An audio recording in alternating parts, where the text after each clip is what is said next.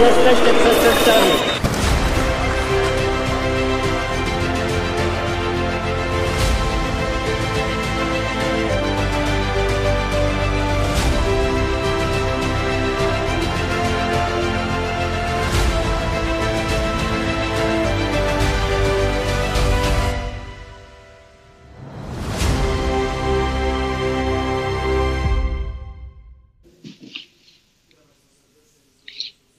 Na żywo. Ja nazywam się Cezary Kłosowicz. E, Dziś naszym gościem jest e, prosto z Tel Awiwu redaktor Eli Barbur. Dzień dobry, dzień dobry, witam Państwa. E, Porozmawiamy dziś o Rosji i Izraelu, a wczoraj pewnie Państwo widzieli, mieliśmy wspaniałe wydarzenie, redakcyjny ślub, wesele Szymona e, i Euniki, e, nagranie e, z transmisji tego wydarzenia. Jeśli jeszcze Państwo nie widzieli, to zachęcam.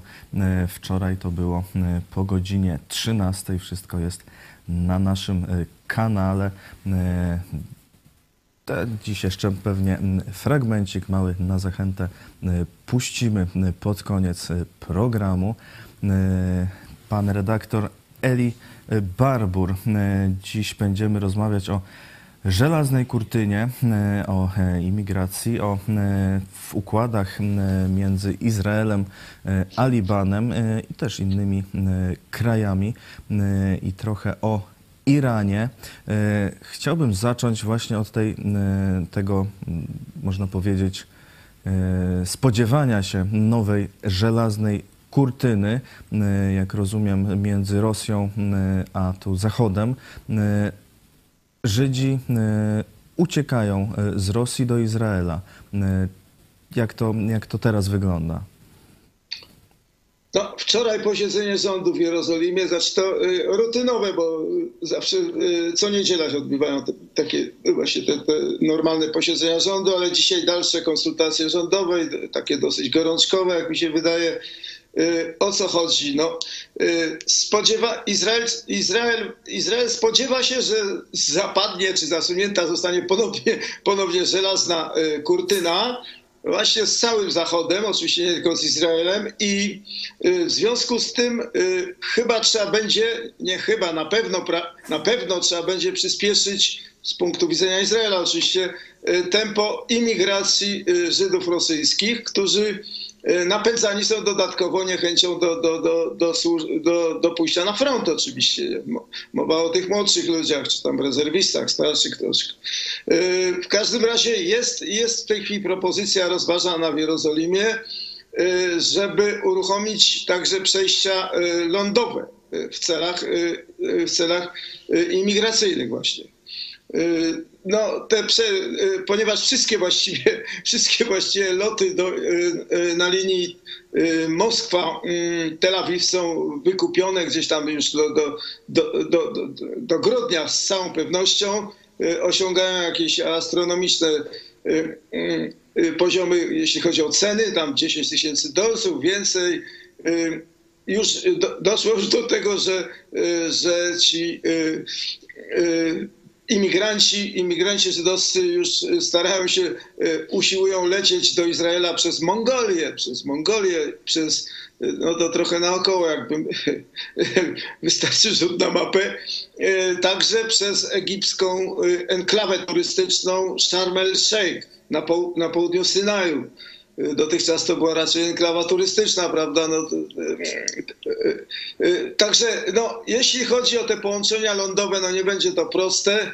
Te przejścia lądowe, sprawa wymaga także oczywiście jakichś przygotowań logistycznych. No, to miałoby praktycznie wyglądać w ten sposób, że już po drugiej stronie granicy i jeszcze nie wiadomo o jakie przejścia lądowe chodzi. No, być może z Polską także, nie wiem. Po prostu nie wiem. Y, Już y, na granicy od razu czekałyby ekipy y, agencji żydowskiej, czyli, te, czyli Sochnutu. No i po prostu jakieś autobusy, autokary i pierwsze, pierwsza pomoc humanitarna. W ten sposób y, i następnie z kraju graniczących z Rosją, prawda, już następne loty, loty się odbywały do, y, bezpośrednio do, y, do ziemi obiecanej. No, tak, to, tak to w tej chwili wygląda, to wszystko jest jeszcze takie bardzo prowizoryczne. W każdym razie no, sam fakt, że Izrael już oficjalnie komunikuje o, o, tej, o możliwości zapadnięcia tej żelaznej kurtyny, no jest, ma chyba wymiar dużo szerszy, prawda? Jak się, jakie są spodziewania, że jak to będzie wyglądać ta nowa żelazna kurtyna? Że Rosja się całkiem oddzieli, czy że wszyscy odgrodzą Rosję, czy jeszcze jakieś inne kraje będą za żelazną kurtyną? To, to raczej chodzi o to, to, to raczej chodzi o to, żeby ta żelazna kurtyna, że ta żelazna kurtyna ogłoszona zostanie przez Rosję. Czyli od, odetną się, no to, to jest niedobra prognoza oczywiście. No już właściwie Rosja i tak jest izolowana przecież na świecie, tak? Także to, to byłoby, byłby kolejny jakiś taki etap, etap y, z całą pewnością eskalacja, eskalacja konfliktu dalsza jakaś taka manifestacja ostra, że idziemy na całość, no idziemy na całość. Znaczy, ta ekipa Putina y, nie zamierza, y, nie, nie zamierza się wycofywać, uginać, chociaż y, wbrew różnym, prawda, takim przewidywaniom, no życzeniowym w sumie y, y, po stronie zachodniej, y, no nie jest to, nie jest to radosna wiadomość. Sama, sama, same, same te przewidywania przez w Izraelu, jeżeli ogłoszone dziś rano oficjalnie o tej kurtynie, no to już świat y, przecież nie są, nie są zawieszone w próżni. No, oni mają, muszą mieć jakieś tam y, sygnały w Jerozolimie w tej sprawie. Yy, Szczerze, nie, nie sądzę, żeby, żeby Izrael akurat zainteresowany był w szerzeniu paniki. Może dodam jeszcze tutaj, że, że od początku wojny, czyli, czyli 20, 24 lutego, prawda, do Izraela już przyjechało 24 tysiące Żydów rosyjskich z Rosji, nie licząc Ukrainy. Osobna, osobna fala migracyjna trwa z Ukrainy także. Jeszcze jakieś 10, ponad 10 tysięcy. Y, Także w tej chwili, w tej chwili no, y, oce- ocenia się w ogóle, że y, to są oceny zawieszone w próżni moim zdaniem. Ale ocenia się tak mniej więcej na oko, że w Rosji jest w tej chwili 100-150 tysięcy Żydów, praktycznie może być y, dużo więcej nawet. No. Y, W, w takich kryzysowych sytuacjach zawsze jakoś ludzie sobie przypominają o jakichś odległych korzeniach żydowskich. Y, Co więcej, już tej, tutaj jest tak jeden z ministrów tego rządu obecnego izraelskiego, a Wiktor Lieberman, pochodzący z Mołdawii, no, krętacz, oportunista. On jest ministrem y, finansów obecnie i y, bazuje głównie na elektoracie pochodzącym y, z dawnego Związku Sowieckiego, no, także z Rosji już w późniejszych latach. Przypomnę, wybory tutaj są za miesiąc, 1 listopada. Facetowi zależy na tym, żeby jego tam partyjka, prawda, dos- dostała trochę więcej głosów, więcej głosów. Mm, W każdym razie proponuje, proponuje żeby uznać za, y, umożliwić imigrację także Żydom y, y, z czwartego pokolenia, znaczy prawnukom, no to to już trochę odległe korzenie. Do, doty, dotychczas przyjmo, przy, przyjmował Izrael y, y, y, znaczy w trzeci, trzeci stopień pokrewieństwa wnuki. No, no, tego rodzaju numery, to wszystko jest obliczone oczywiście już na efekt e, elekcyjny, bo rodziny tych ludzi y, i oni sami nawet, bo przy- przypomnę, że Żydzi, Żydzi w ogóle y, imigrujący do Izraela, bo to się imigracja nazywa, prawda? Powrót. y, Dosłownie w momencie, kiedy, kiedy wychodzą z samolotów czy tam okrętów, stają na ziemi izraelskiej, dostają obywatelstwo y, państwa żydowskiego, także będą mieli prawo y, głosu już w tych wyborach 1 listopada, nie mając oczywiście pojęcia o tym, co tu się dzieje. Y, To, to, to jeden z elementów tej kwitnącej demokracji izraelskiej jest. Także y, tenże minister finansów Lieberman, ja to mówię trochę jako tak cie, cie, cie, ciekawostkowo, ale to pokazuje te ogólne nastroje tutaj, już tam zatwierdził jakieś y, y, mi, wielomilionowe budżety na przyjęcie tych nowych imigrantów. No to tak, tak to jest. Podróże przez Sharm przez Mongolię, tutaj aspekt wyborczy. A jak Izrael przewiduje y, szanse na to, że ten rząd Putina upadnie, że upadnie władza Putina, czy może, że Rosja się w ogóle rozpadnie, szczególnie teraz patrząc, jak no, coraz bardziej przegrywa w tej wojnie, którą zaczął? No, ilu, ilu ekspertów i obserwatorów, tyle opinii, jak zwykle w Izraelu. Także no, trudno nam, w Polsce jeszcze jest podobnie przecież, nie? Także no, wielu ludzi się mądrzy, no tak naprawdę, jak, jeżeli mówimy sobie, tak rozmawiamy y, y, y, szczerze i w cztery oczy, w cztery oczy, prawda, to nikt, nic, nikt absolutnie tutaj, ja mówię także o tych ludziach, którzy są na, na, naprawdę dobrze zorientowani, czyli pochodzący z, z Rosji, y, y, tych ekspertów y, śledzących dosłownie tam, gdzieś tam od wewnątrz intensywnie od rana do nocy, od nocy do rana sytuację mm, nie jest w stanie przewidzieć. No to są jakieś, ja nie wiem, po prostu no, no nie wiemy. Tu w Izraelu nikt absolutnie jakiejś takiej obiektywnej opinii nie jest w stanie w tej chwili wyrażać, chociaż oczywiście wielu ludzi udaje, że tak, tak, wiemy co się, co się stanie, no jak zwykle. Oczu mamy znacznie więcej niż e, cztery, e, bo e, grube No kilkaset oczywiście, dlatego Was, drodzy widzowie, zachęcamy do komentarzy, do, do zadawania pytań. Jeszcze co do sprawy Rosji, Ukrainy. W zeszłym tygodniu prezydent Zełenski bardzo wyraził swoje oburzenie prezydent Ukrainy, że Izrael nie chce, odmówił pomocy militarnej Ukrainie. Tam chodziło szczególnie o te mm, przeciwlotnicze sprawy, e, żelazną kopułę. Jak to jest z tą pomocą e, od Izraela?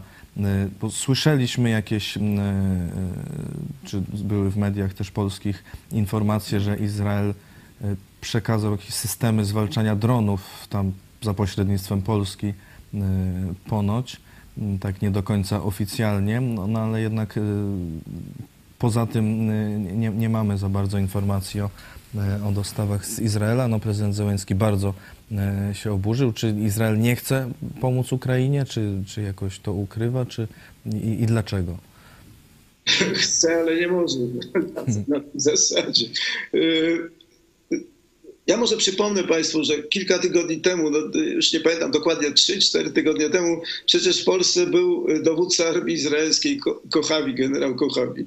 No niby, niby chodziło o, o odwiedziny Auschwitz, prawda, on tam wygłosił, y, y, wygłosił y, przemówienie, na tle, na jakimś odpowiednim tle tam, prawda, y, w Auschwitz. No i głównie ostrzegał Iran, y, ostrzegał, że, że Izrael jest, y, nie dopuści do kolejnych jakichś takich niespodzianek, y, które spotka- strasznych jest oczywiście tragedii, y, która spotkała y, w rodzaju tej, która spotkała y, Żydów y, w II wojnie światowej. Mm, Ale, ale y, Oczywiście, że można się, y, można się domyślać, prawda? Mówię bardzo ostrożnie, że, y, że pojechał do Polski nie tylko po to, żeby, y, żeby tam, żeby wygłosić właśnie ten taki ostrzegawczy speech przeciwko Teheranowi. Przypuszczalnie, przypuszczalnie omawiał także jakieś inne aspekty. No, także można sobie spokojnie spekulować, że, ta, że Izrael via Polska jakiejś tam pomocy wojskowej Ukraińcom udziela. To się jakby nakładało też na takie masowe pielgrzymki, pielgrzymki, przepraszam, tych ortodoksów żydowskich do Umania na, na Ukrainie, na grup Sadyka, który tam gdzieś tam sobie kiedyś funkcjonował w minionych wiekach. Y, 40 tysięcy tych Hasydów pojechało, pojechało poleciało do, do, na Ukrainę w warunkach, y, gdy jest to jedna wielka strefa wojenna. Także on, potem, się, potem była wiadomość, że, y, że Ukraińcy zestrzelili y, 10 dronów irańskich wystrzelonych przez Rosjan, prawda, y, w stronę właśnie tego Umania, lecących, mających zaatakować y, y, te cele w Umaniu. Można sobie spokojnie tutaj spekulować, że jakaś tam pomoc tego Izraela płynie. No, na, pewno, na pewno nie taka, jakiej życzyłby sobie y, Zełenski, no ale on, on, on, on, on życzy sobie zwiększenia tej pomocy i wzmocnienia tej pomocy, zwłaszcza nie tylko, nie tylko od Izraela przecież. No. A, mm, a na przykład Amerykanie, no nie dalej jak wczoraj, już tam ana, analitycy jacyś ostrzegają, że już mają, że już ich magazyny wojskowe y, świecą pustkę, zaczynają świecić pustkami y, ze względu na tą wzmożoną pomoc y, y, zbrojną kierowaną na Ukrainę. Także no, no nie tylko Izrael się tutaj wymiguje, prawda? To, to wszystko oczywiście wskazuje na to, że ta wojna jeszcze potrwa. No. No właśnie, a tak zapytam pana redaktora tak osobiście, jak pan się spodziewa, jak ta sytuacja się rozwinie? E, No oczywiście nie jesteśmy tu prorokami, ale e, jak e, pana dziennikarska intuicja podpowiada, jak ta wojna i, sytuacja w Rosji, czy sytuacja Putina się zakończy? Yy, No z tą intuicją to trzeba uważać, bo oczywiście prywatnym, na poziomie prywatnym każdego człowieka jest to bardzo ważna rzecz. Jeśli chodzi o intuicję dziennikarską, to już wielokrotnie mnie osobiście zawiodła i nie tylko mnie w tym zawodzie przecież. Yy, Ale yy, no niestety, no nie można, nie można oprzeć się jakimś takim, yy, takim tej życzeniowości, prawda? Moim zdaniem go utłuką, no. Po prostu go utłuką. No, w jakimś ciemnym załuku po prostu dowiemy się, że nie ma Putina jest jakiś tam inny łepek. Y, Pewnie z tych trepów najbliższych y, z jego otoczenia. No, w tych czapeczkach, wie- wiecie Państwo, pięknie. Nie ma, nie ma innego chyba scenariusza, no bo, bo, bo inaczej to się nie da zakończyć tego, bo przecież tam jest mm, no, rezerwy ludzkie oni ciągle jeszcze mają, bo to jest ogromny kraj, te, te, te rozmowy, już nie mają skąd czerpać. Oni teraz wysy- wysyłają, okazało się, że wysyłają na front, także przez pomyłkę chcą wysłać na front ludzi, którzy w ogóle nigdy nie służyli w wojsku. Tam w jakiejś takiej miejscowości jest. Najnowsze wiadomości są. Nie pamiętam, jak to się nazywa gdzieś tam. Yy, Także no to, to, nie, nie ma rady, a w końcu przecież muszą zrozumieć, że to jest, yy, ta wojna jest przegrana. Oni nie mają szans. Nie mają szans, no bo w tej chwili no, Zachód się skonsolidował. Sam nie wiedział, że tak będzie, ale się skonsolidował. Przegrywają politycznie, prawda? NATO się rozszerza. Także no, będą musieli zrobić po prostu jakąś tam rewolucję, rewolucję pałacową na tym Kremlu. No i już no, na głowę Putin, bo mu się należy od dawna, przecież to, to wszyscy chyba wiedzą doskonale i on sam też. No i a potem, ale, ale potem po, poza tym przecież Chińczycy będą, Chińczycy są spanikowani najwyraźniej w tej chwili. No. Przecież no, no, Chińczy, nie, Państwo chyba zauważyli, że Chińczycy za bardzo nie, nie, nie wychylają się w ostatnich miesiącach, prawda? Oni są zszokowani, zszokowani są tym, że, że Rosjanom nie wyszła ta cała operacja specjalna, tygo, mająca trwać tydzień tamtego, z dniami, sparowany plus. Yy, I oczywiście godzi to na dalszą metę ich interesy, yy, interesy ekonomiczne na świecie, w te tam yy, no, nowe szlaki jedwabne i te wszystkie rzeczy, jak to się tam nazywa, prawda? Także no, ten Chińczyk, on jest spryciarz, przecież to jest mądry facet. No, na jego twarzy nie widać nic, żadnych odczuć. No. Tak samo zresztą jak na tym Putinie, który też jakby ma rysy takie tego. Nie będę się wdawał, bo to nie, nie. Yy, Okej, okej, no po prostu go, go zdejmą Putina i tyle. No to są moje, moje mm, niezwykle ambitne przewidywania. Dobrze, zobaczymy jak się e, sprawdzą. Mamy komentarze naszych widzów. Black Tiger, żelazna kurtyna, chyba zardzewiała kurtyna w wykonaniu Rosji. Nie ma to jak rosyjskie wykonanie, wszystko umieją spartaczyć i to dobrze. Oczywiście. Oczywiście, nic nie wychodzi. No, nawet ta kurtyna będzie zdziurawa totalnie. No. Ale, ale przecież oni, oni, oni, oni przecież wykorzystują te wszystkie jakieś tak, te określenia z czasów zimnej wojny. Y, Tak samo jak szantażują świat atomem, atomem, tam y, y, głodującą Afryką, no wszystkim czym mogą, no więc te, operują też tą, y, y, tymi określeniami sprzed lat, sprzed lat, no ale y, no niestety, no, w momencie, kiedy człowiek słyszy ta, o tej żelaznej kurtynie, to, to takie lekkie ciary, pod, nie wiem, no nieprzyjemne to jest, nieprzyjemne, bo historia się powtarza, no wiadomo przecież, że historia cykli, są cykliczne jakieś powtórki, no ale wiadomo też skądinąd, że ta historia, y, to zresztą Marx twierdził, y, y, zerżnął to od Hegla, no ale twierdził ten Ma- Marx, że historia się powtarza jako tragifarsa, no. Także to będzie pewnie właśnie ta dziurawa kurtyna, no ale będzie. Johnny Walker, obawiam się, że Izrael przyjął przez ostatnie 30 lat z byłego e, Związku Sowieckiego tylu ludzi, którzy mogą okazać się koniem trojańskim tego zorganizowanego państwa. Y, Koniem trojańskim to nie, to nie, to, jest, to są też takie określenia za bardzo mocne. No, y, y, przecież to już mi- minęło sporo lat. Oczywiście, że od początku było wiadomo, że może być tam pełno szpiegów, nawet, nawet gorzej. Nie, no może dywersantów, to, to nie, ale w każdym razie no, tych różnych tam age, agenciaków i tak dalej.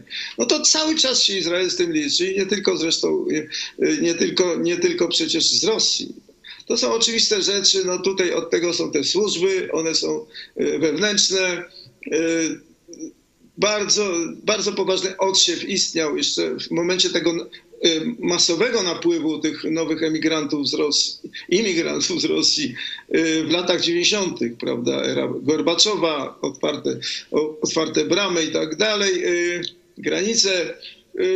To wszystko, z tym wszystkim Izraelczycy się liczą. Z tym, że myślę, że w ogólnym, w ogólnym bilansie takim, przecież do, do Izraela przyjechało mnóstwo specjalistów, między innymi także od rakiet, od różnych innych rodzajów broni z Rosji. Te, ten przemysł tam był zaawansowany, bo to jeszcze z czasów sowieckich. Oni przecież nic innego nie robili, tylko zajmowali się zbrojeniami no, kosztem własnego narodu. Także y, y, w wielu dziedzinach te, te, ta, ta imigracja z Rosji jest cholernie pożyteczna dla Izraela i właściwie ten y, y, właściwie wiadomo, wiadomo dokładnie, że ten obecny rozkwit y, tych technologiczny Izraela, nie tylko, nie tylko w, na poziomie zbrojeń oczywiście, no, jest w dużej, w dużej, w dużym, bardzo dużym stopniu napędzany był i jest przez, przez dawnych specjalistów z tego Związku Sowieckiego jeszcze, no i z Rosji być może też. No. Także to jest ryzyko, z którym należy się liczyć, ale ono jest, ono jest y, warte świeczki, no powiedziałbym. Izrael podejmuje ryzyko, no, jest w takiej sytuacji, w takim położeniu, no, że e, jest zmuszony duże ryzyka ponosić. No, Ostatnio słyszymy o różnych układach z państwami wokół Izraela, na przykład najnowsza sprawa, układ z Libanem w sprawie e, gazu, e, jakoś pod e, kuratelą Stanów Zjednoczonych. E, No, Lapid się tym e, chwali, Netanyahu e, krytykuje. E, O co chodzi w tym układzie? Chodzi o, o to, jest, to jest jakaś niejasna sprawa do końca, ponieważ Lapid się tym chwali, no bo te, jak mówiłem, wybory za miesiąc. Także to jest, to jest, y, to jest y, element, który może mu napędzić dodatkowe głosy, głównie Arabów izraelskich, z tej mniejszości arabskiej w Izraelu. Y, Układ z Libanem czy z arabskim państwem, jakiś taki moment, jakiś taki gest odprężeniowy, tak on to przedstawia. Jednocześnie przez, tam chodzi o to, że y, wykryte zostały wielkie pokłady gazu pod dnem Morza Śródziemnego. Y, Także, także y, u wybrzeży libańskich, bo o, tym, że, że, że Izrael już eksploatuje ten gaz, to państwo wiecie, prawda? Też z oporami to było, bo tenże Lapid jeszcze jak był w opozycji sprzeciwiał się w ogóle uruchomieniu y, y, wydobycia tego gazu z, y, y, dna morskiego. No, ze względów ekologicznych jakichś innych debilnych mniej więcej, no, tego rodzaju argumentów. No. Teraz oczywiście już o tym zapomina, ale mm, chodzi o to, że Liban, Liban mógłby stanąć na nogi, gdyby uzyskał poważne, y, poważne zyski z, y, z tego gazu, na który y, jest ogromne zapotrzebowanie i który, o którym wiadomo, że on tam się znajduje już pod tym dnem. Tam. Konflikt dotyczy stref, stref wydobycia.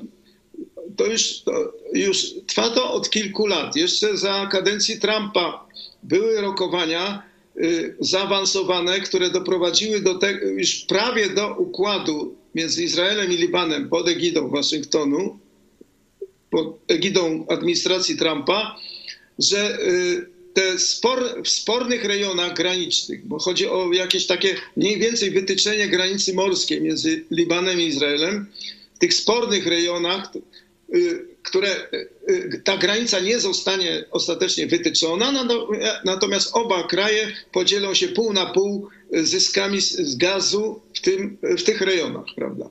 To jest mniej więcej 860 km kwadratowych powierzchni morza. Czyli to, to nie są jakieś astronomiczne prawda, obszary, można się dogadać, ale nie daje rady, ponieważ Liban jest praktycznie zarządzany przez, przez przybudówkę irańską o nazwie Hezbollah. Mówiliśmy już o tym wielokrotnie chyba. Także przez, w momencie, kiedy zmieniły się władze w Stanach Zjednoczonych, no Biden i tak dalej, to, to jest administracja w dużym stopniu proirańska. Brzmi to dziwnie, ale tak jest. Także naci, a z kolei, z kolei Lapid w Izraelu jest, jest człowiekiem Bidena. No, to, to jest oczywiste. Bidena jest związany z tym najbardziej lewicowym skrzydłem w łonie Partii Demokratycznej Amerykańskiej. Teraz w tej chwili temu Lapidowi znowu ze względów przedwyborczych zależy na, za, na pokazaniu, jak bardzo jest zaprzyjaźniony z Bidenem, prawda? I, I także, jak już mówiłem, ze względu na to, że chce, chce, chce uzyskać większe poparcie Arabów izraelskich. Także on forsował tutaj to, to to jak, jak, jakoś właśnie to nowe porozumienie, nowe właśnie to porozumienie negocjowane już od wielu lat, żeby sfinalizować je jako tako przed wyborami. No i z tego, co wiadomo w tej chwili, to, to w stu procentach ustąpił, pod, przed, ugiął się przed żądaniami i Waszyngtonu, i, i, i tej strony libańskiej, a strona libańska to jest Iran. Także to zanosi się na, na potężny obciach. Netanyahu oczywiście już od, od, od, od przedwczoraj grzmi, nagrywa jakieś filmiki, wideo. To, jest, to, to, to się staje w tej chwili głównym elementem tej gorączkowej, w tej gorączkowej już fazie, fazie kampanii wyborczej. Miesiąc, za miesiąc wybory. Dokładnie nie wiadomo. na razie oczywiście to Netanyahu, czyli lider obecnej opozycji, który spodziewa się powrotu do władzy, zapowiedział już, że, że jeżeli wygra wybory, a przypuszczalnie wygra, to nie zatwierdzi tego układu. Także to jest wszystko znowu także zawieszone w próżni. No ale konflikt jest poważny, bo to chodzi o cholernie duże pieniądze, a także, a także fakt, że jeżeli Liban uzyska poważne zyski, Liban jako państwo uzyska poważne zyski z tytułu wydobycia te, tego gazu i sprzedaży, to, to wzmocniony zostanie element irański w Libanie, czyli Hezbollah, który rządzi tym krajem faktycznie. Także jest to niebezpieczne. No. Tak to wygląda w tej chwili. No. A jak nastroje czy sondaże przed wyborami? Czy jest szansa na w końcu jakieś ustabilizowanie? Czy, czy znowu raczej będzie jakoś pół na pół i kolejne wybory za, za parę miesięcy? Teraz to wygląda w ten sposób, że no, ciągle jest jak, jakieś 50-50 w tej chwili. Znaczy, nastroje jeśli sądzisz, prawda, z jakichś takich rozmów na ulicach, y, y, przypadkowych, no poza tym, no te, y, teraz nastroje się najlepiej wyczuwa w internecie, przecież ta, w takich czasach żyjemy. No to one są zdecydowanie anty, anty, antylapid i pro-Bibi. Ale, ale no, przy sprawdzianem będzie samo głosowanie, jak zawsze. Natomiast sondaże, no sondaże z tymi sondażami, jak wiadomo, też jest, jedne, sondaże często się nie sprawdzają. No. Także to, to może, może całkowicie być tak, że znowu będzie ten jakiś taki patowy remis, 60-60, no to by oznaczało szóste wybory w Izraelu w ciągu tam czterech lat byłoby wesoło. No to już, już da, jak w dawnych czasach w tym w słonecznej Italii, prawda?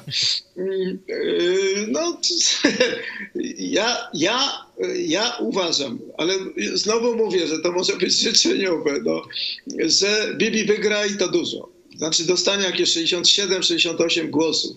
Jeżeli teraz okaże się, że ten układ z Libanem jest faktycznie jakimś straszliwym obciachem, no to, to, to mu napędzi jeszcze sporo głosów. Teraz kampania wyborcza y, Lapida jest bardzo słaba, gdzieś tam coś tam się wypowiada tu i ówdzie. Głównie, głównie stara się sparaliżować y, y, głosy opozycyjne. No, doszło już do tego, że on zażądał od Państwowej Komisji Wyborczej zamknięcia jedynego prawicowego kanału telewizy telewizyjnego, to jest kanał 14, nadający od, od, od niedawna w sumie. Jedyny rzeczywiście taki niezależny w tej chwili głos niezależny i prawicowy, jawnie prawicowy, otwarcie, otwarcie zdeklarowany prawicowy głos, centroprawicowy, tak go zwał, tak go zwał. Zamknięcia tego kanału twierdząc, że to jest, że to jest, że to jest, że to jest czynnik polityczny. No, ja bym chciał elegancko zapytać, prawda, gdzie teraz istnieją jakieś media, które nie są upolitycznione. W Izraelu są w sumie cztery kanały, łącznie z tym opozycyjnym, cztery główne kanały, te mainstream, mainstreamowe, takie, y, y, takie y, telewizyjne, prawda? Tym jeden publiczny, no i trzy są absolutnie antybibi, czyli antyprawicowe. Łącznie z tym publicznym, podkreślam, co jest absolutnym, absolutnym, no nie no, to jest dewiacja, dewiacja roli mediów i tak dalej. No te prywatne mogą sobie gadać co chcą oczywiście, no ale prywa... także to jest, no to są metody tej kampanii wyborczej Lapida, niepoważne zupełnie. Z kolei Bibi, y, Bibi nie ma dnia, żeby nie odwiedził jakichś kolejnych, kolejnych obszarów wyborczych, prawda? Występuje, y, robi natychmiast filmiki, relacje z tych, y, z tych spotkań z wyborcami, prawicowymi oczywiście, stronnikami Likudu pojawiają się w internecie, są szeroko bardzo oglądane i widać tam bardzo wielki entuzjazm ludzi, którzy przychodzą na te spotkania. Y, Netanyahu jakby, nie wiem, przeżywa dziesiątą młodość w tej chwili, energii jest pełen jest energii, to jest normalna petarda, także no to, to, to, jest, to jest fajne. No, do, bo, bo, dlatego mówię, że on y, Poza tym tu istnieje sprawa. Głównym elementem tej kampanii wyborczej Bibiego jest, y, jest skłonienie y, wyborców prawicowych do tego, żeby poszli na wybory. Bo długoletnia kampania y, w mediach przeciwko Netanyahu i te różne jakieś wytoczone mu fikcyjne procesy i tak dalej, przy ogólnym poparciu mediów, jak mówię, lewicowych, sprawiła, że część wyborców prawicowych po prostu nie poszła na, poprzednim razem na wybory. Zresztą już, już trzykrotnie nie poszła. Y, tam trzykrotnie, no, wielokrotnie już nie poszła na te wybory i dzięki temu, i z tego powodu właśnie jest ten, ten cholerny remis, impas totalny od, od, od, od 3,5 roku w tej chwili. Y, I, y, i Netanyahu stara się dosłownie mówi, mówi, hasło jego w tej chwili jest takie, że 1 plus 1 równa się 4. Znaczy każdy wyborca prawicowy, który głosuje, powinien udać się do sąsiada, do stryka, do, do, do pociotka, piętro wyżej, piętro niżej i na, namówić go, żeby tym razem głosował i w ten sposób jeden plus jeden, prawda, równa się cztery lata kadencji, następnej kadencji Likudu, który wróciłby do władzy. No tak to wygląda. Mówiliśmy o potencjalnym układzie e, z Libanem. E, jest też układ e, z państwami arabskimi, Emiraty Arabskie czy Bahrain. I tu była parę dni temu też zaskakująca przynajmniej dla mnie tak w, w, brzmieniu, w nagłówkach wiadomość, że Izrael chce się podzielić technologią nawet atomową, nuklearną z tymi krajami. E, Moshe Edri, szef Izraelskiej Komisji Energii Atomowej, e, powiedział, że Izrael może podzielić się pewnymi aspektami swojej technologii nuklearnej z krajami będącymi częścią porozumień abrahamowych. E, czy Izrael się nie obawia, że ta technologia no, może być wykorzystana nie tylko do, do tam zakładania elektrowni, ale no, do jakichś bardziej niebezpiecznych celów i też no, nie tylko przez te kraje, którym się przekaże, ale że to się rozejdzie po innych krajach arabskich, te technologie? No ja podejrzewam, że to jest raczej retoryka mm, mająca, y, mająca aspekt ostrzegawczy y, y, w tym sensie, że rozpocznie się atomowy wyścig zbrojeń na, bliski, na całym Bliskim Wschodzie, prawda? Że jeżeli Amerykanie ustąpią wobec Iranu w tych toczących się już od 20 miesięcy rokowaniach nad nowym układem atomowym z Teheranem. Rokowania w Wiedniu y, z udziałem także innych mocarstw, y, ale głównym, głównym, głównym, głównym rozgrywającym jest tam Waszyngton. Jeżeli Amerykanie zgodzą się na to, żeby na ten nowy układ, powtarzam, z Iranem, to rozpęta się, rozpęta się wyścig, atomowy wyścig zbrojeń na, w całym tym rejonie tutaj. No i Izrael, Izrael będzie częścią tego wyścigu w tym wypadku. No, wychodząc z założenia, że mm, nie, no, nie sądzę raczej, żeby, żeby jakieś elementy, groźne elementy broni jądrowej y, przekazane zostały, y, zostały no, Bahrajnowi czy Zjednoczonym Republikom Arabskim w Zatoce Perskiej. Y, choćby z tego powodu, że, że to są kraje, to są kraje wbrew pozorom bardzo niestabilne. Tam diabli wiedzą, co będzie w najbliższej przyszłości. Równie dobrze, równie dobrze mogą się tam, może się tam zmienić władza. No to są nieprzewidywalne procesy, tak samo jak nikt, nikt przecież przy zdrowych zmysłach nie, nie, nie przewidywał, że, że, że świat arabski właśnie się rozwali własnymi rękami w ramach tej wiosny arabskiej trwającej od 2011 roku. No to, to, nie, są, to nie jest tak, że Y, Izrael rozmawia z, jak, z Szwajcarią, prawda, y, czy z Austrią, czy z solidnymi krajami europejskimi, gdzie można tam znaleźć odpowiednich partnerów na odpowiednim poziomie. No, y, to, to, co mówię, to oczywiście nie jest poprawne politycznie, no ale to są, to są kraje dosyć zacofane, mają kasy, kupę kasy, prawda? No ale to nie znaczy, że to są kraje zaawansowane w sensie jakimś, prawda, cywilizacyjnym. No, trudno im przekazywać przecież tak, guzik atomowy, no spokojnie. No. Ale są to groźby takie, że wyścig zbrojeń może się rozpętać tutaj na, na słonecznym Bliskim Wschodzie. E, skoro już o Iranie, to e, może na koniec spytam pana redaktora, jak właśnie sytuacja w Iranie, te protesty tam cały czas trwają.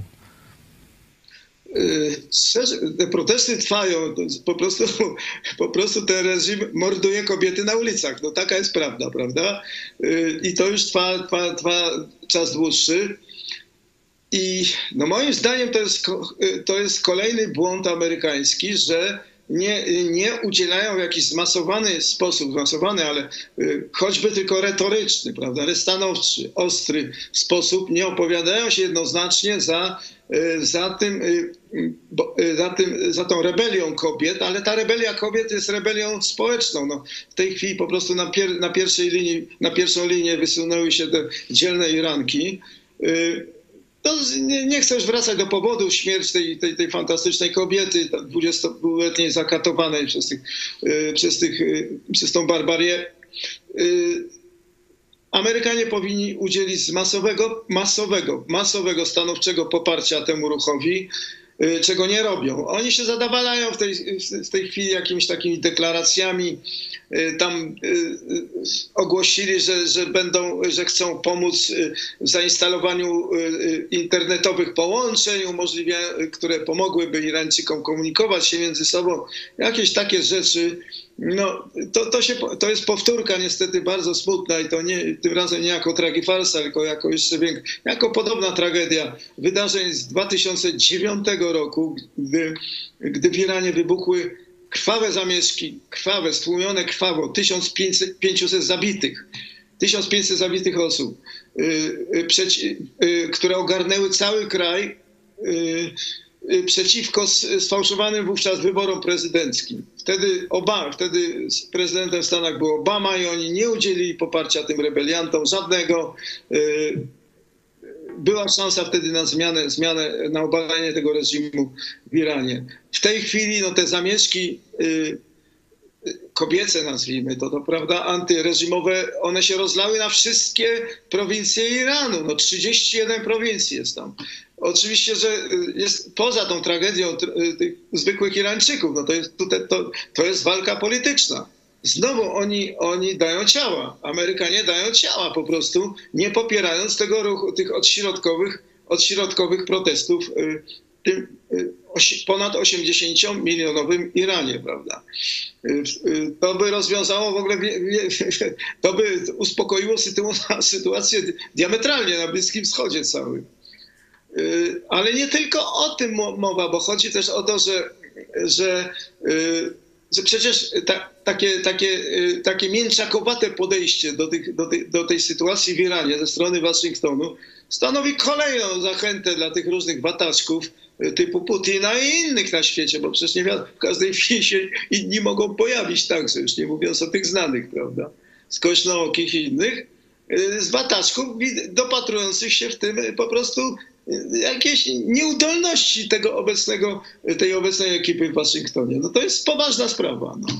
Tak, tak, to, tak na to należy patrzeć, bo, bo przecież jedno, jednym, jednym z impulsów dla Putina, y, żeby zaryzykować, zaryzykować, żeby napaść na Ukrainę, było, było miękkie stanowisko y, y, Waszyngtonu w rokowaniach atomowych z Iranem, jak już mówiłem, trwających od 20, mies- ponad 20 miesięcy. Przecież Rosjanie też uczestniczą w tych rokowaniach i dokładnie wiedzą, co tam się dzieje.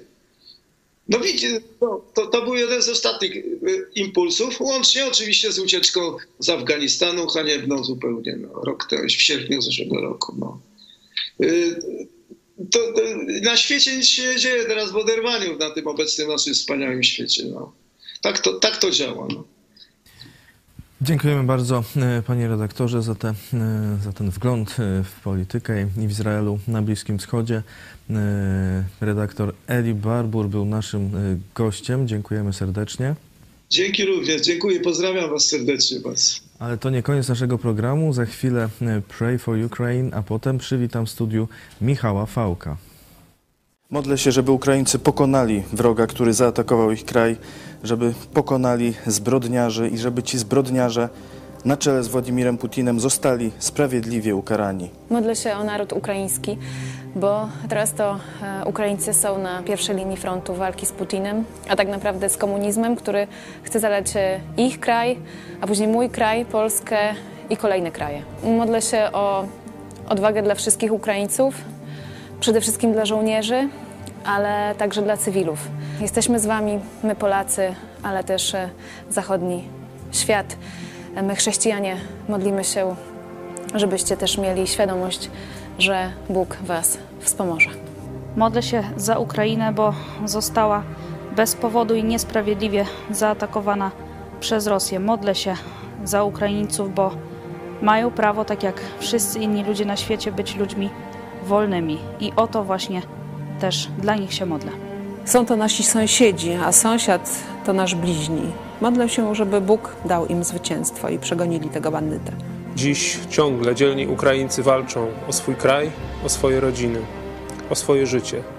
Chrześcijanie, prośmy Boga o to, żeby wygrali, żeby zwyciężyli, żeby dobro zwyciężyło, a żeby zło tego zbrodniarza i bandyty Putina zostało pokonane i zwyciężone. Modlę się o Ukrainę, bo gdyby nie było wolnej Ukrainy, gdyby nie było bohaterskiego ukraińskiego wojska, to dzisiaj Polska byłaby atakowana przez Putina. Na polskie miasta leciałyby bomby, rakiety, ginęłyby polskie dzieci, polskie kobiety. Modlę się o Ukraińców, bo to oni teraz walczą o wolność swoją i naszą. Ukraińcy, bądźcie mocni.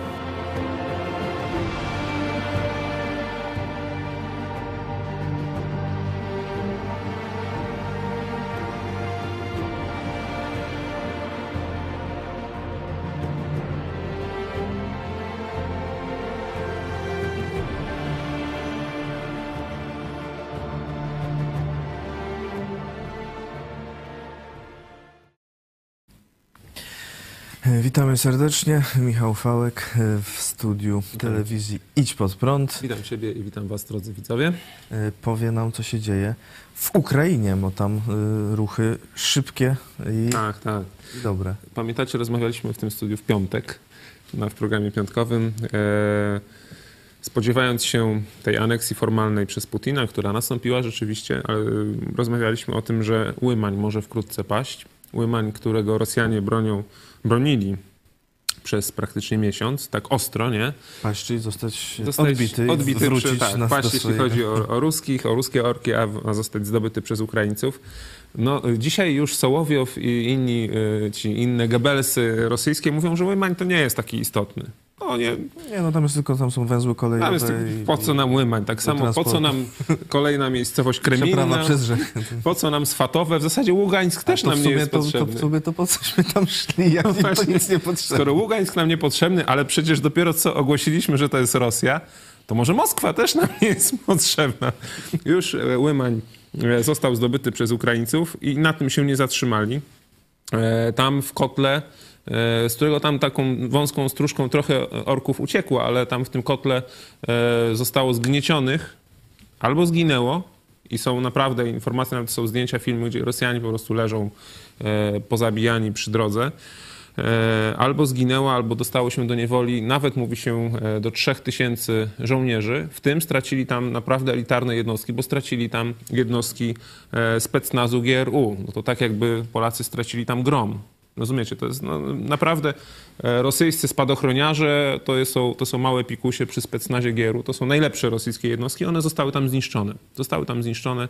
Bez sensu e, z punktu widzenia rosyjskiego. Był e, rozkaz Putina, oczywiście Putin się wmieszał w zarządzanie, w, dowodzenie ta, taktyczne na polu boju, kazał im ani kroku wstecz, bronicie Łymań, bo Łymań przecież nie jest istotny, to trzeba go bronić. Także bronili Łymania do upadłego, tylko po to, żeby Łymań nie upadł przed ogłoszeniem aneksji. No bo jak to, wiecie, jak można ogłosić aneksję, kiedy straciliśmy ważne miasto w tym samym dniu albo dzień wcześniej? Dlatego bronili go do upadłego. No i oczywiście nie obronili. Bardzo dobrze. No, to teraz z kolei mówi, że to też Putin wydał rozkaz, żeby się jednak się wycofać stamtąd. Oni chyba wbrew rozkazowi Putina uciekali.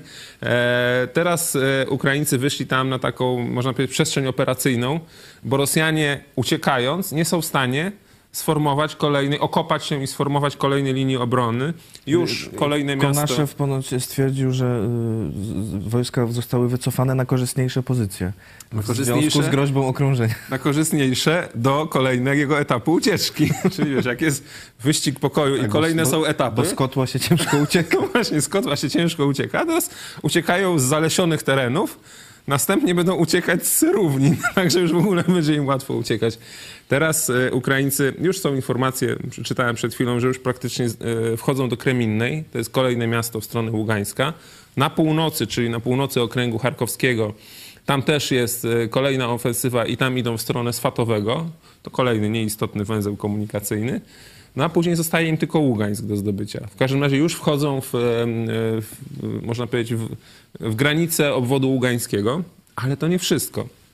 Bo właśnie tam podoba się, e, naprawdę jestem tutaj fanem e, generała Załużnego, który jest głównodowodzącym e, sił ukraińskich. I tutaj ciekawostka o generale Załużnym. Tak jak śledzę to, co on podaje na Twitterze, Ja nie jestem przekonany, że to jest jego osobisty Twitter. To nie jesteś przekonany? Czy jesteś? nie, ja, nie właśnie, jestem, bo, ja właśnie też tak się zastanawiam. bo tam no, widzę, że wrzucają różne rzeczy w, w, w prawie wszystkich językach świata. Jacyś ludzie, no, na pewno nie jest zweryfikowany. Ale też e, przez on od Twittera tego i nie raczej, odżegnuje. raczej jest chyba... Znaczy nieraz go po prostu cytują, także Tak. to jest to, co on mówi. Tak, natomiast e, właśnie ten jego Twitter to jest dyskusyjny, natomiast rzeczywiście to jest człowiek, który się odwołuje niejednokrotnie do Boga. To jest człowiek, który, e, który zresztą generalnie widać to, co Ukraińcy, e, Ukraińcy robią, że oni e, wzywają imię prawdziwego Boga Jezusa Chrystusa, idąc do boju. No i Bóg im błogosławi, bo to, co się teraz dzieje na, na Hersońszczyźnie jest bardzo ciekawe, bo to było właśnie piękne, że tutaj wszyscy się skupiają na tym łymaniu, nie? Rosjanie boleją, co to będzie, jak stracimy ten nieważny punkt oporu, a Ukraińcy w tym samym czasie, tego samego dnia odpalają ofensywę kolejną na Hersoniu i tam ofensywa jest dwukierunkowa, bo tam, jeśli sobie, nie wiem, jak ktoś pamięta, jak wygląda mapa rejonu hersońskiego, to na północ od Dniepru oni mają taki pas, Ruscy mieli zajęty. E, gdzieś tam w granicach 80 km, on może ma 60 do 80 na całą szerokość obwodu hersońskiego, który opierał się na rzece Dniepr która aż praktycznie do Chersoniu dochodzi. No i ten Dniepr e, był tą taką naturalną, można powiedzieć, e, blokadą, gdzie Rosjanie bronili się, no ale też nie mogli teraz uciec, ponieważ wcześniej Ukraińcy rozwalili wszystkie, e, wszystkie przeprawy przez Dniepr. No i co oni teraz zrobili? Oni zrobili dwa uderzenia. Jedno uderzenie od północy wzdłuż brzegu Dniepru, po zachodniej stronie i tam też osiągnęli przełamanie frontu i sukces, tam weszli na kilkadziesiąt już kilometrów, a w tym czasie drugie, drugie uderzenie e, w stronę Nowej Kachowki, tam to pierwsze uderzenie to miejscowość Złota Bałka, e, a tutaj dodatkowo uderzenie takie można przecinające w połowie okręg hersoński w stronę Nowej Kachowki i w tym momencie to uderzenie też jest, też się powiodło.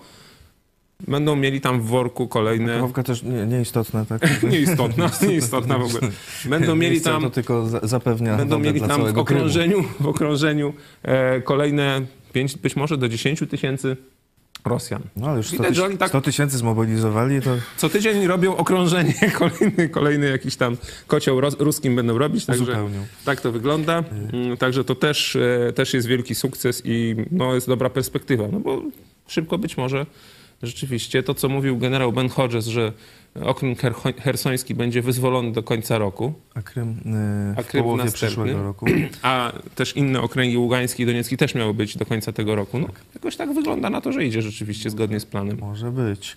Y, No ale przecież no, tutaj mobilizacja już 100 tysięcy pono- ponoć dawno trafiło y, na front, 300 tysięcy ma być, albo nawet i milion nowych y, rosyjskich żołnierzy. No to z, To i- z, nawiązką, z nawiązką zrekompensują. Tu się możemy śmiać, że ci żołnierze pójdą, zima się zbliża, a oni, tak, już widać takie zdjęcia, że idą na wojnę w czym? W trampkach Hmm. i w koszulkach, nie? Takich biało-niebieskie paski, takich, co się Rosjanie lubią, bo okazało się, że e, z magazynów, gdzieś tak tych magazynów strategicznych w Rosji zniknęło, tak jakby nigdy nie były wyprodukowane, a przecież były wyprodukowane, uwaga, półtora miliona mundurów.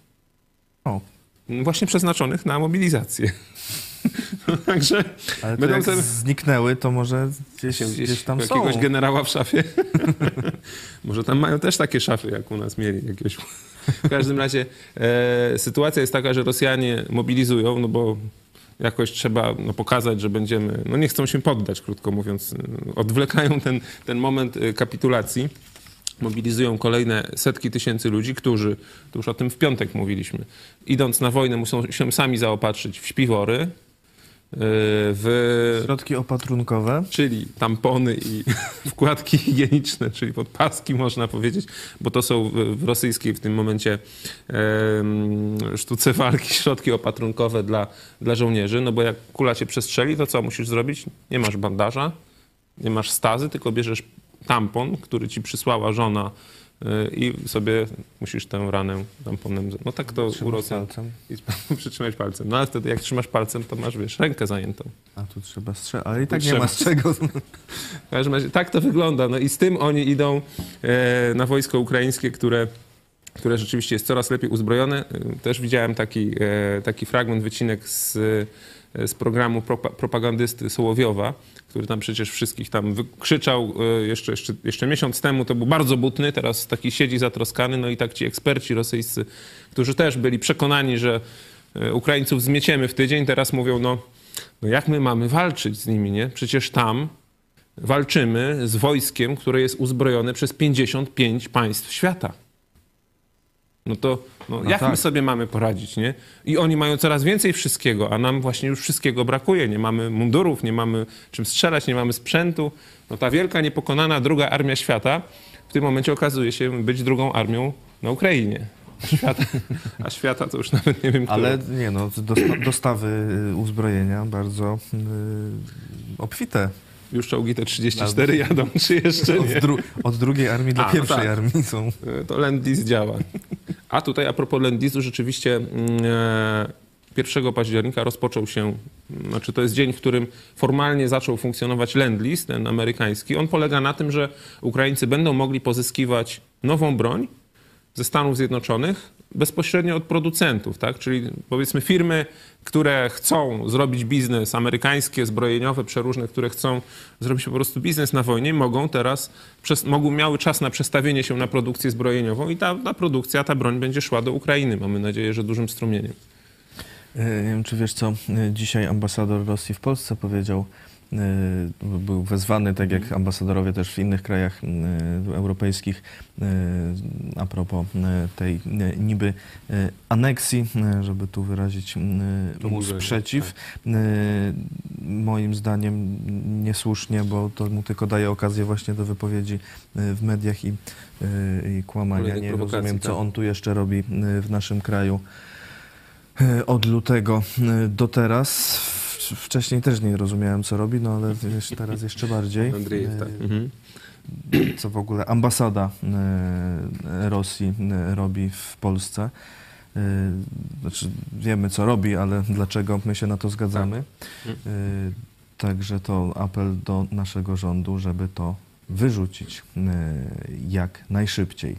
Y, Ale powiedział a propos tych właśnie uciekających z, z Rosji, co też przed chwilą z y, Mhm. redaktorem Eli Barburem mówiliśmy, że także y, do Izraela y, Żydzi rosyjscy uciekają. Y, Powiedział, nasze społeczeństwo oczyszcza się z tych, którzy nie są razem z naszym narodem. Także teraz będzie czystsze. Teraz będzie czystsze. No tutaj rzeczywiście to jest y, dla Europy też taka y, może być trudna decyzja, nie? No, czy pomagać tym Rosjanom, którzy chcą uciec z Rosji przed Putinem. Nie? No już tak mówiliśmy, rozmawialiśmy na ten temat, że to jest takie wątpliwe, wątpliwe nawet myślę, myślę, myślę moralnie, ponieważ no z jednej strony chciałoby się pomóc tym, którzy twierdzą, że nie chcą wojny, ale tak naprawdę to oni, kiedy wojna się rozpoczęła, to nie byli przeciwko wojnie. Nie protestowali, tak?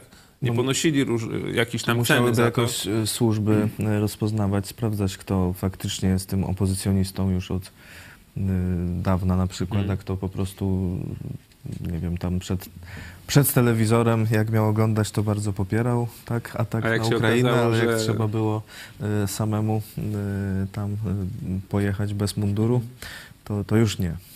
Na pewno jest to, wcale nie jest to oczyszczenie dla Rosji, jest to kolejne osłabienie dla Rosji, no bo najczęściej no nie jest tak, że wyjeżdżają ludzie gdzieś tam z tych takich republik, wiecie, ościennych, tam Tuwińcy, Jakuci i tak dalej, Burjaci, no oni nie mają możliwości wyjechać. Oni są mobilizowani i są wysyłani jako mięso armatnie na front. Zazwyczaj to wyjeżdżają wykształceni, również nie, nieźle zarabiający do tej pory. E, Rosjanie z tej części europejskiej, czyli Moskwa, Petersburg i te okolice, no to są też ludzie, którzy, e, którzy są no, takimi mózgami. To jest drenaż mózgów, można powiedzieć. Także Rosja na tym też traci przyszłościowo. Ona traci w tym momencie swoją przyszłość. Przez to, że ci ludzie uciekają, no niektóre kraje ich chętnie przyjmą. Niemcy tutaj są bardzo chętni, nawet Amerykanie mówią, że mogą, mogą jakieś tam osoby przyjąć. Pewnie tych, część, część z nich to są rzeczywiście wykwalifikowani specjaliści pracujący do tej pory w zagranicznych koncernach. Oni zostaną gdzieś tam zasymilowani przez te koncerny w państwach zachodnich i będą, e, będą, będą służyć gospodarkom krajów zachodu. No, lepiej, żeby w Polsce ich jednak nie było, tak uważam. Ja mam tutaj... No kontrwywiady będą miały na pewno e, Co więcej pracy teraz. E, e, Łukasz Jasina, rzecznik MSZ po tej e, wizycie e, rosyjskiego ambasadora w MSZ powiedział, że nie ma w tym momencie planu wydalenia ambasadora Andriejewa. Pozostaje też w Moskwie polski ambasador Krajewski, także Nie wiemy po co. I dlaczego. nie wiemy. E, Jeszcze jest sprawa, e, czy Ukraina e, wejdzie do NATO. Już widziałem teraz media, tam sądy robią Mhm, różne takie mhm, też, m, mhm. czy powinna, czy będzie. Tam jest mniej więcej po połowie. Jak myślisz, jak to będzie? Jak to no, Coraz będzie? więcej poparcia chyba jest. Tak, to jest ciekawe, bo to można powiedzieć, kiedy w piątek mówiliśmy o tym, że zaraz Putin e, ogłosi inkorporację m, tych czterech okręgów do Rosji, no to też była mowa, że Zełenski planuje jakąś odpowiedź, poważną odpowiedź, tak? No i co to była za odpowiedź? Odpowiedź to było formalne e, zgłoszenie aneksu do NATO, nie? Tylko teraz pytanie można zadać, czy to Zełenski e, zgłasza aneks do NATO, czy Czy NATO? zaprasza NATO do dołączenia do Ukrainy, bo, bo e, tak naprawdę to widać, że to armia ukraińska w tym momencie, no przynajmniej na europejskiej scenie, no bo nie mówimy o Stanach Zjednoczonych, ale to armia ukraińska sprawdziła się jako armia e, no perfekcyjna, jeśli chodzi o obronę. No teraz również o kontratak sobie świetnie radzi, no ale przecież NATO jest sojuszem obronnym.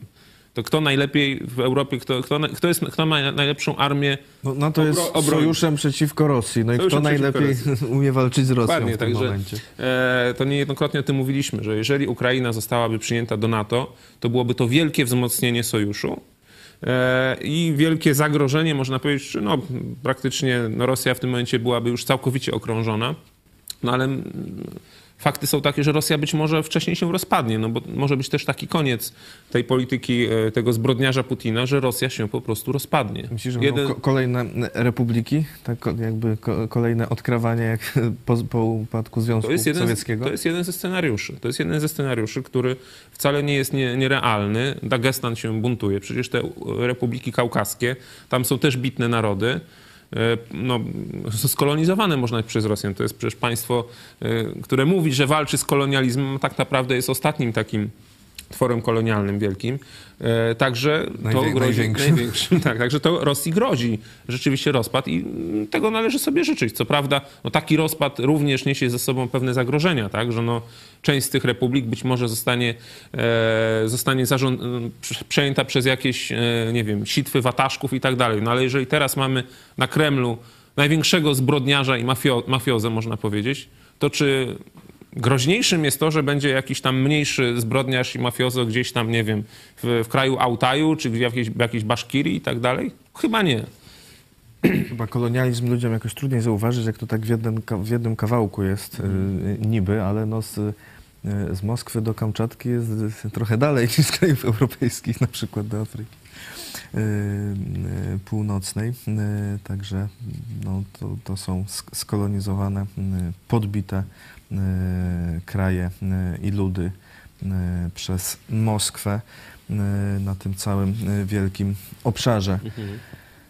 E, Proszę Państwa, mamy dla Państwa ten obieca obiecany fragment z wczorajszej uroczystości, fragment pierwszego tańca Państwa Młodych, Szymona i Euniki, a potem jeszcze powiemy o finansach i inne ogłoszenia.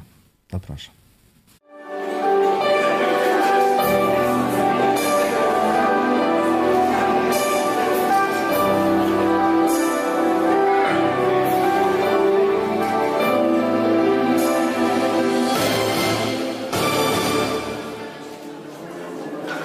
To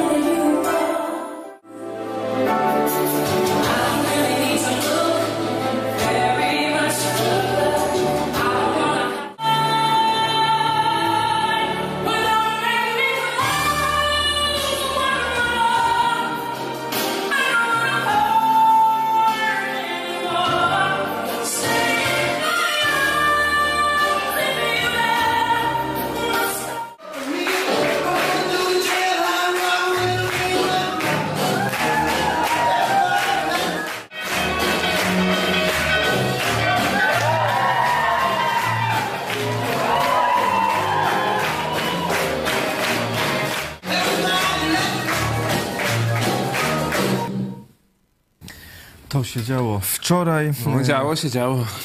Kto nie był, niech żałuje, naprawdę. Takiego pierwszego tańca to ja jeszcze w życiu nie widziałem. E, Takiego super, oczywiście. Widowiskowy. E, W ceremonię ślubu e, możecie Państwo zobaczyć.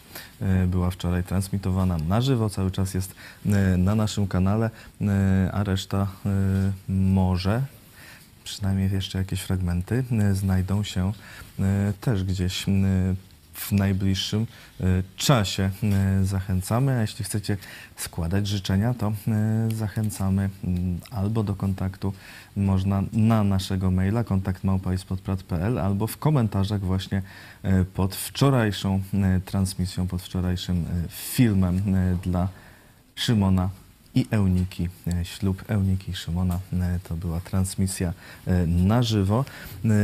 A Michał ma dla Was sprawozdanie z września. Finansowe sprawozdanie. Był tysiąc. Był tysiąc gitar, tak. Spisaliście się znakomicie.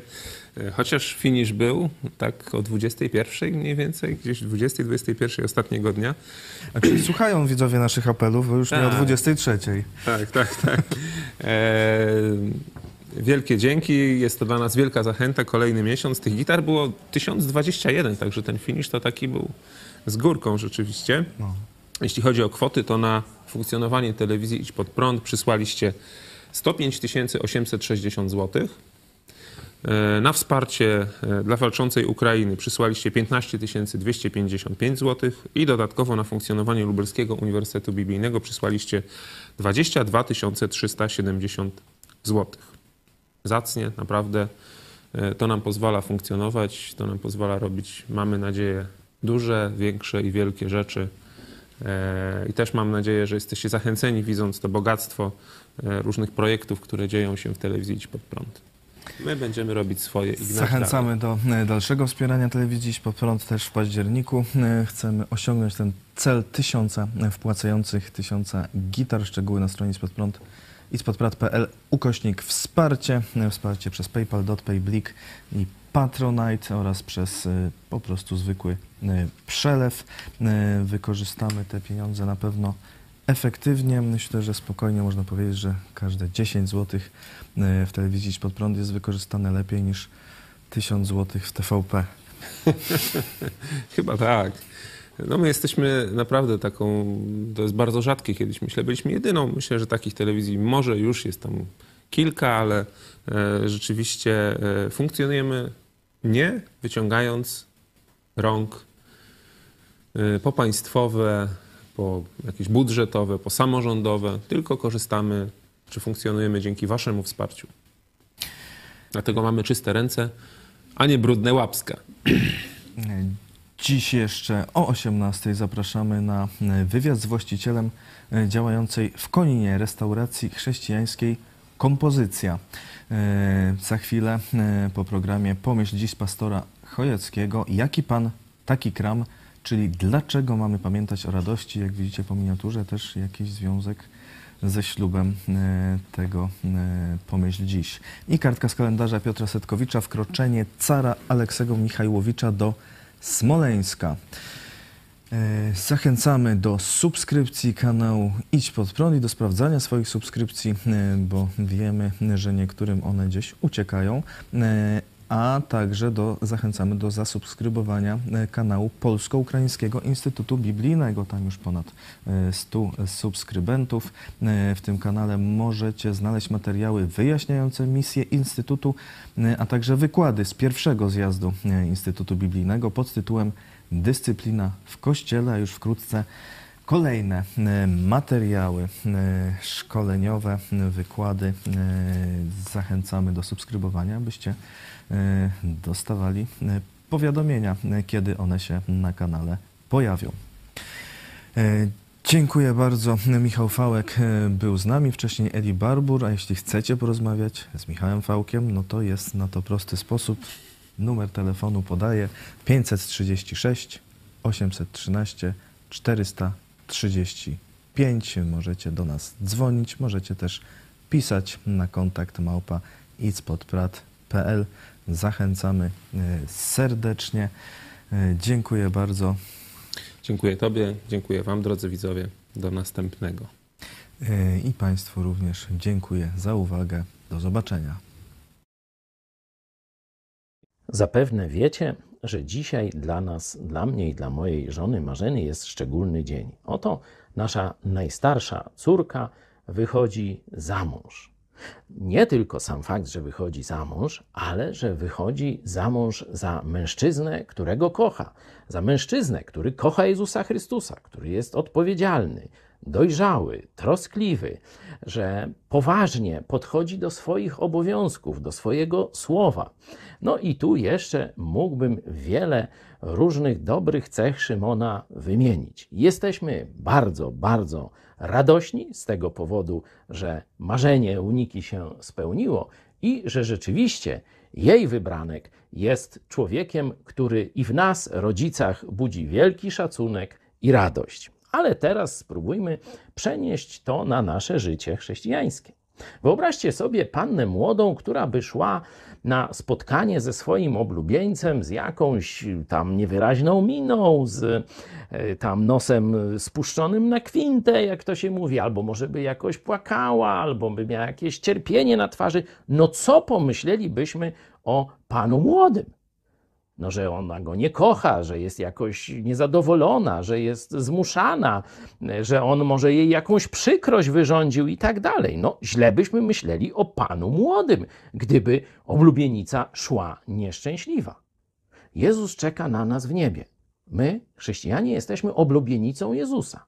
I teraz, idąc na spotkanie z Jezusem, przez trudności życia, oczywiście, powinniśmy cały czas pamiętać, że nasza postawa, brak radości, to jest świadectwo o naszym Panu, że jest jakiś słaby, źle się o nas troszczy, nie jest wystarczająco dobry. No, przeróżne złe rzeczy. Kiedy będziesz myślał, będziesz miał pokusę, żeby być smutny, niezadowolony i tak dalej, to przypomnij sobie te słowa Jezusa z Ewangelii Jana z 15 rozdziału 11 werset. To wam powiedziałem, aby radość moja była w was i aby radość wasza była zupełna.